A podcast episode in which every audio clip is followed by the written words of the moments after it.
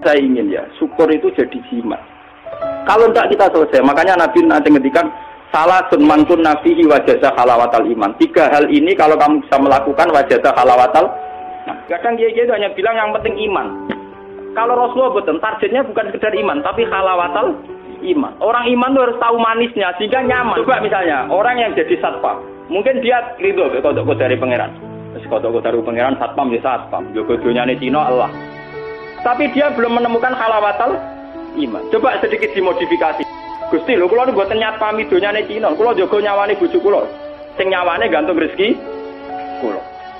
Dia bayangkan anak istrine guyon ning omah goreng tempe, dia bayangkan anak itu tuku pentol baru kayak dia kerja ning satpam. Itu lebih nyaman karena dia merasa buru anak. Orang tentu lebih nyaman karena merasa buru anaknya timbang buru non mus